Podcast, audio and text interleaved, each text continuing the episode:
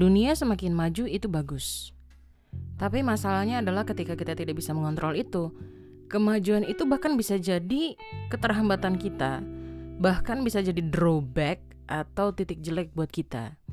Kita jadi takut, kita jadi panik karena kita tidak bisa mencapai standar-standar sosial dalam sosial media yang ditunjukkan bahwa eh kalau kok keren itu kayak gini. Kalau relationship goals itu yang bagus tuh kayak gini. Kalau nyari pasangan hidup tuh kayak gini. Kerja yang sukses itu yang gini bukan yang kayak gitu. Dan akhirnya kita mengkotak-kotakan diri kita yang ujung-ujungnya ya kita bisa stres loh teman-teman ketika kita takut kita ketinggalan.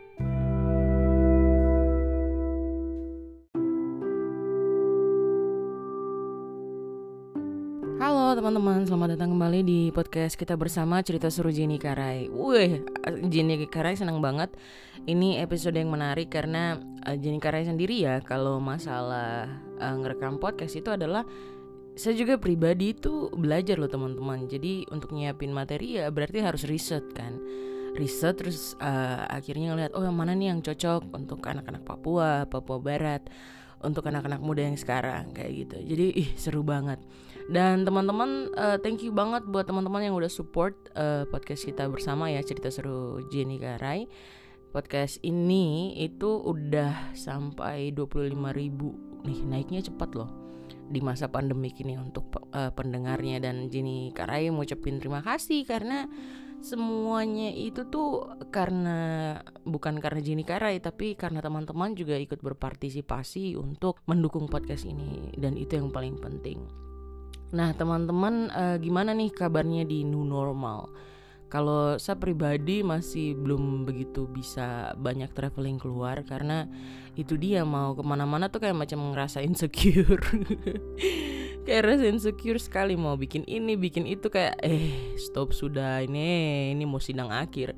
Jadi ceritanya tuh saya mau sidang akhir sidang yang sidang yang sangat akhir untuk saya punya gelar uh, eh, S2 Terus uh, ada beberapa tawaran yang uh, ini kan uh, keluar kota gitu, naik pesawat, pokoknya ada urusan keluar kota gitu. Aduh, stop sudah, stop sudah. Sih, hatra berani, hatra berani. Tapi kalau di dalam kota sendiri juga ya masih melakukan pembatasan sih karena konsekuensinya itu corona ini. Aduh koronce nih. Udah cepat selesai sudah sosok rindu jalan sekali. Sosok rindu jalan sekali. Oke ya sudah. Yang penting teman-teman uh, kalau untuk masalah corona nih yang penting teman-teman jangan lupa untuk selalu jaga kebersihan diri dan juga uh, kalau ke mana-mana jangan lupa protokol kesehatan. Kalau kumpul sama teman-teman jangan karena teman-teman semua uh, ngelihat ih iya siapa teman yang sering saya lihat? Belum tentu bisa jadi kok punya teman tuh jadi salah satu pembawa virus toh. Jadi selalu utamakan protokol kesehatan dan jaga jarak. Eh ya teman-teman kita langsung masuk aja ya sama topik kita di hari ini fear of missing out ini kalau fear of missing out uh, atau rasa kayak macam takut uh, telat, takut terlambat, takut kelewatan kalau dibilang kalau saya bilang.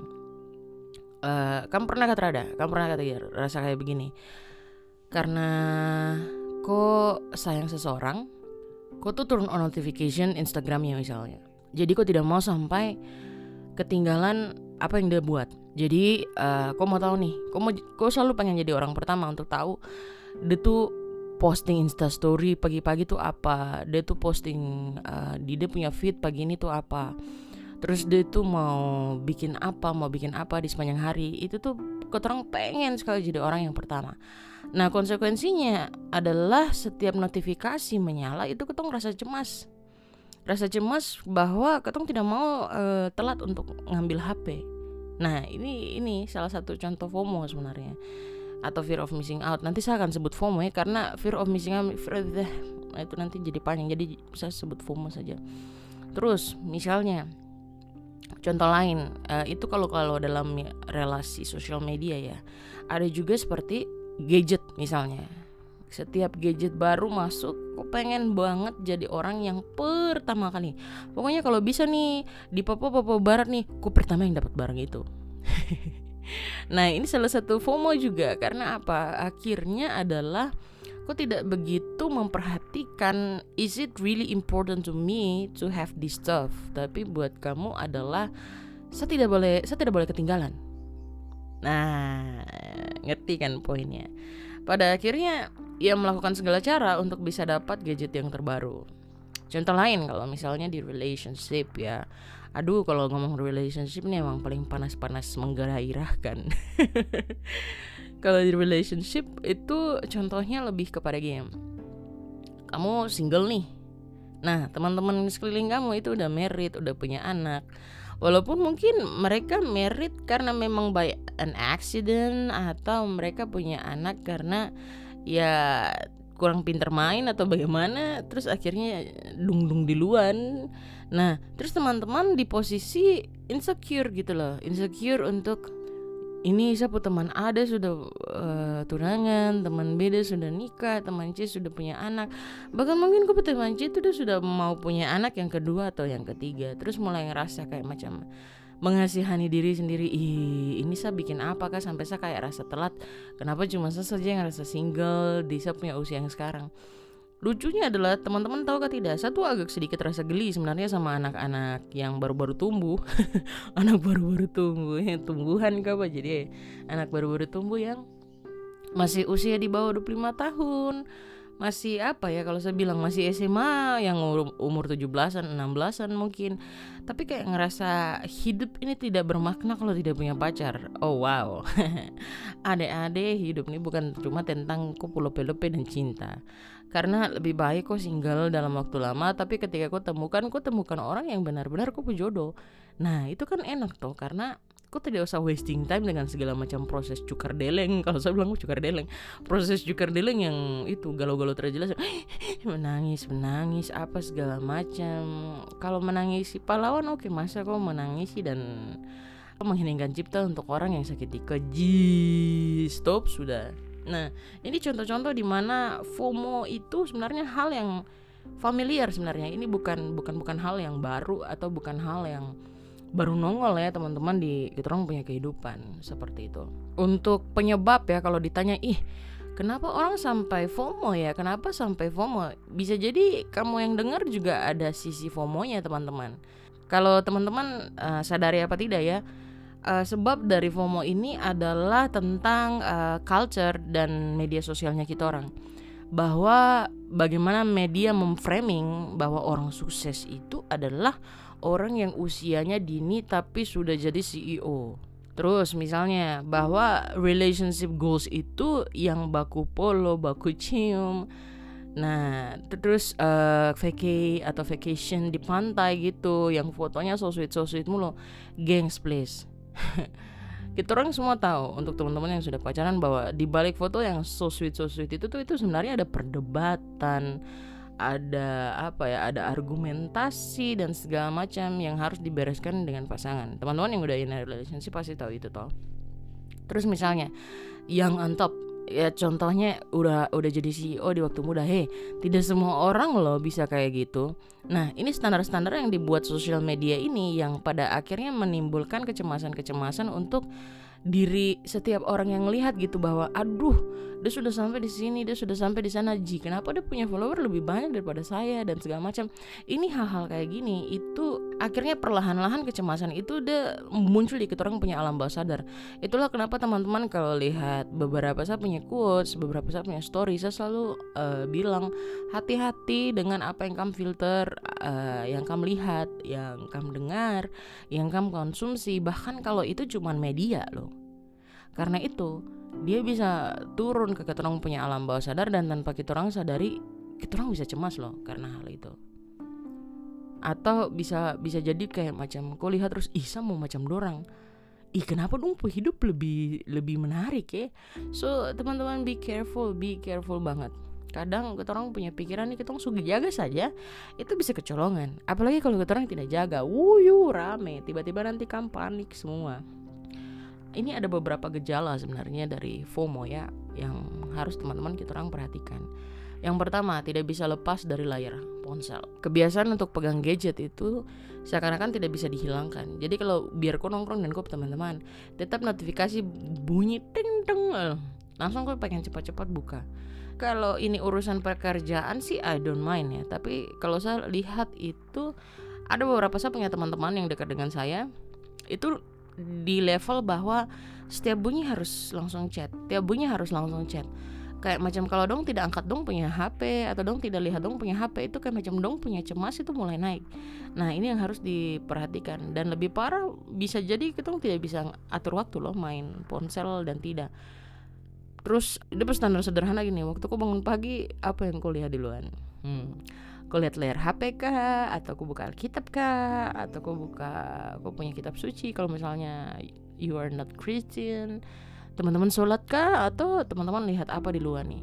Nah itu harus teman-teman perhatikan. Karena yaitu FOMO itu muncul dari sosial media. Berikutnya lebih peduli dengan kehidupan di so media sosial.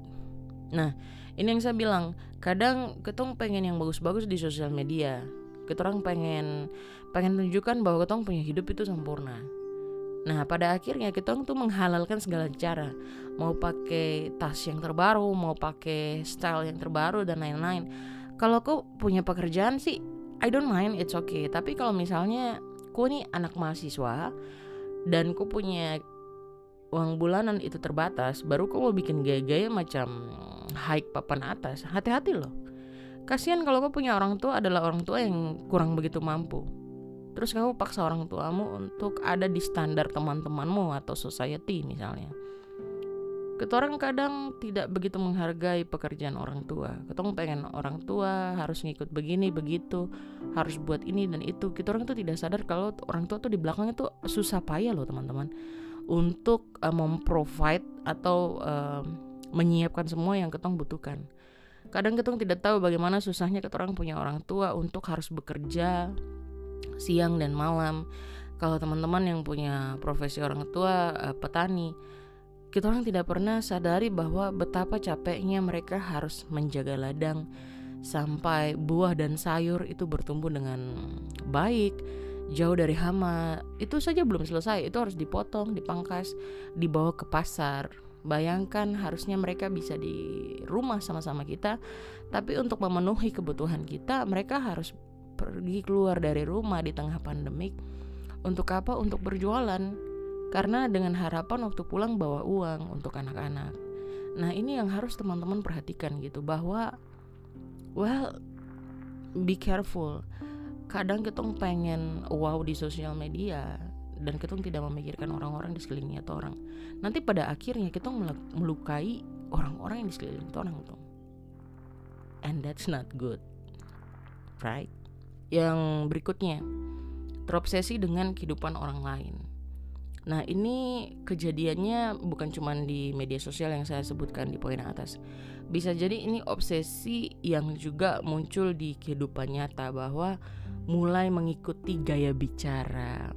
Karena mungkin bisa bisa bisa dianggap bahwa oh macam misalnya oh saya mau jadi kayak kakak Haji Nikarai terus mulai mengikuti gaya bicara, gaya berpakaian dan lain-lain. Nah, itu bisa itu bisa bisa jadi salah satu sindrom FOMO bahwa pengen jadi orang lain. Ih, tapi saya tuh sebenarnya bingung loh teman-teman. Kok jadi kok diri sendiri saja kok andalan baru kenapa kok mau jadi orang lain? Kalau kok pengen jadi orang lain terus yang mau jadi kok diri sendiri siapa? Orang lain. Ya belum tentu toh. Mendingan jadi diri sendiri. Nah, berdasarkan survei di majalah Forbes, itu sindrom FOMO ya, itu dipicu karena rasa ketidakpuasan dalam hidup Nah, bisa jadi ketidakpuasan inilah teman-teman yang membuat orang terobsesi untuk jadi orang lain. Kalau di relasi cinta tuh saya agak saya agak ini loh, saya agak agak rasa tidak tidak nyaman dengan orang-orang yang obses banget untuk saya harus pacaran sama kok, saya pasti jodoh sama kok. Padahal waktu dijalanin, ay sih baru kentar atau dia punya cukar dalang cukar dalang seperti apa. Nah ini yang harus diperhatikan teman-teman. Ini ini contoh-contoh yang uh, harus diperbaiki. Dan teman-teman tahu enggak kenapa kita harus bahas FOMO? Karena dia punya dampak buruk sebenarnya bagi kesehatan, kehidupan sosial dan finansial. Nah, kalau di kesehatan teman-teman, ini saya kasih secara singkat kalau di kesehatan itu selalu berhubungan dengan kesehatan fisik dan psikologis. Karena ketika kau rasa cemas dan takut untuk sesuatu hal itu memicu depresi sebenarnya atau stres berlebihan. Ketika kau tidak bisa kontrol kau punya stres berlebihan ini, itu kok bisa rasa tiba-tiba ih langit lagi langit lagi cerah-cerah tapi tiba-tiba kok rasa lelah kok gemetar kok pusing kok sulit konsentrasi mual bahkan kesulitan untuk tidur nyenyak. Saya punya salah satu teman dekat itu dia kena ini juga FOMO. Terus uh, dia ke dokter karena dia rasa kayak macam dia buang air besar terus menerus tidak stabil terus dia punya nafsu makan turun. Terus waktu dicek ke dokter gitu dokter bilang ini tidak ada penyakit nih di dalam darahmu bahkan malaria juga tidak ada. Ini pada akhirnya dokter bilang pasti lagi sedang mikir atau stres sesuatu karena kalau stres dalam level berat gitu mual sulit tidur dan segala macam. So be careful teman-teman. Zaman milenial ini memang informasi semakin enak banget kita dapat. Tapi juga dampaknya adalah kadang kita tidak bisa filter itu dan itu secara tidak sadar bisa mempengaruhi kita orang punya alam bawah sadar. Hati-hati loh. Dan juga beberapa penyakit-penyakit kronis itu tuh bisa loh. Bisa karena timbul dari rasa cemas dan takut yang akhirnya menimbulkan stres yang Jenny Carey bilang sebelumnya. Itu teman-teman bisa kena sistem kardiovaskular dan kesehatan jantung. Hihi aye hosa ya hosa dan juga kan kalau orang stres berarti kan imunnya turun. Ih, baru zaman corona begini baru kan imun turun. Wuyu solo saya ini tinggal kamu tas salah jalan di mana dan dapat. Nah, itu tadi uh, dalam hal uh, kesehatan. Kalau hubungan sosial dalam masyarakat ya atau dalam kita punya kehidupan sehari-hari lah. Uh, itu bisa kita bisa secara tidak sadar kita menyakiti perasaan orang lain. Seperti yang tadi saya kasih contoh. Kita paksa orang tua untuk ikut kita punya standar dan pada akhirnya kita menyesal dengan kita punya diri sendiri. Ji kenapa saya paksa punya orang tua ya bisa jadi loh teman-teman. Karena kamu punya orang tua kamu tuntut-tuntut kayak begitu itu dong bisa sakit. Terus at the end kok yang menyesal? Hati-hati hati-hati. Ada saya punya teman baik. Kalau teman-teman dengar podcast cerita sore Jini Kara di beberapa episode yang lalu kayaknya tahun lalu deh. Itu ada saya punya teman baik yang dia kasih testimoni bahwa dia paksa dia punya papa untuk uh, apa untuk beli HP baru tau buat dia. Terus karena dia punya papa bilang tunggu-tunggu tapi dia tidak mau. Akhirnya dia kasih diam dia punya keluarga semua dua bulan. Sampai dia punya papa tuh harus pergi ke dia punya kota studi untuk ngecek ini dia punya anak perempuan atau dia punya anak laki-laki kah ini dalam kondisi hidup kah tidak? Sampai sebegitunya loh dan dia bilang ke saya kalau Jen saya menyesal sekali kalau ingat kejadian itu. Karena sekarang dia punya orang tua sudah meninggal teman-teman. Dan itu jadi kayak macam penyesalan dalam dia punya diri bertahun-tahun sampai sekarang. Berikutnya itu dalam hal finansial. Nah ini dia karena kita orang paksa-paksa-paksa padahal kita mungkin belum punya budget uang yang sebesar itu. Apalagi kita mau nongkrong misalnya di tempat-tempat yang wow mahal dan lain-lain tapi ya aku posisinya masih pelajar gitu loh. Nah ini masalah akan jadi masalah karena lama-lama aku tidak stabil. Apalagi kalau sekarang ya teman-teman di masa pandemi kayak begini kan kita orang disarankan untuk harus invest toh harus invest untuk per untuk untuk apa untuk ke depan. Jangan sampai semuanya tuh dipakai untuk belanja dan segala macam atau foya-foya karena kondisi ekonomi lagi tidak stabil. Bayangkan kalau kok kena FOMO atau kok mulai rasa pengen pengen seperti dia pengen seperti dia. Terus kok paksa? Wuyu rame loh. Bisa-bisa kok kredit. Masih bagus kalau kok kredit kok bisa bayar. Kalau kok kredit baru kok tuntut kok kurang tua usah teman-teman.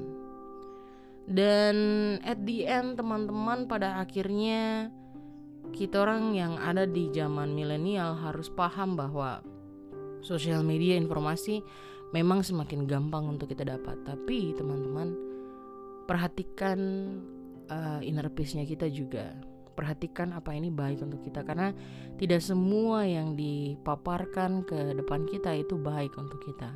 Dan teman-teman izinkan saya untuk menutup podcast ini. Ya udah habis dong. Nanti kita lanjut lagi tenang.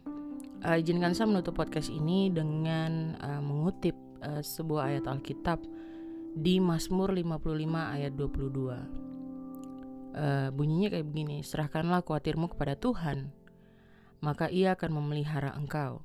Tidak untuk selama-lamanya dibiarkannya orang benar itu goyah. Teman-teman memang dunia membuat kita jadi kadang panik tidak bisa jadi diri sendiri bahkan mungkin kita orang punya peace terganggu. Tapi di ayat ini saya pribadi belajar loh teman-teman bahwa ketika saya khawatir tentang banyak hal, saya memilih untuk menyerahkan itu kepada Tuhan. Memang kayaknya bunyinya holy banget ya, rohana banget ya. Tapi memang we need God gitu loh teman-teman. Kita butuh kapasitas yang melebihi dari kita orang punya diri untuk mengatasi sesuatu. Dan di situlah saya lihat peran Tuhan itu ada ketika ketong takut bahwa ketong ketinggalan sesuatu dan segala macam well teman-teman Tuhan itu sudah mengatur ketong punya hidup ada berkat-berkat yang sudah menunggu teman-teman di depan. Jangan sampai rasa sampai takut ketinggalan ini buat kita akhirnya tidak melihat bahwa kita punya Tuhan yang luar biasa yang kalau Tuhan deh jagaku di masa lalu masa masa ini dia lepaskan kok tidak mungkin. So teman-teman jangan lupa untuk selalu andalkan Tuhan untuk selalu mengoreksi kembali sosial media yang kita orang selalu lihat dari hari ke hari karena believe it or not itu mempengaruhi kita orang punya alam bawah sadar. Oke teman-teman, sampai di sini podcast cerita seru Jenny Karai. Sampai bertemu di episode berikutnya bersama saya Jenny Karai tentunya.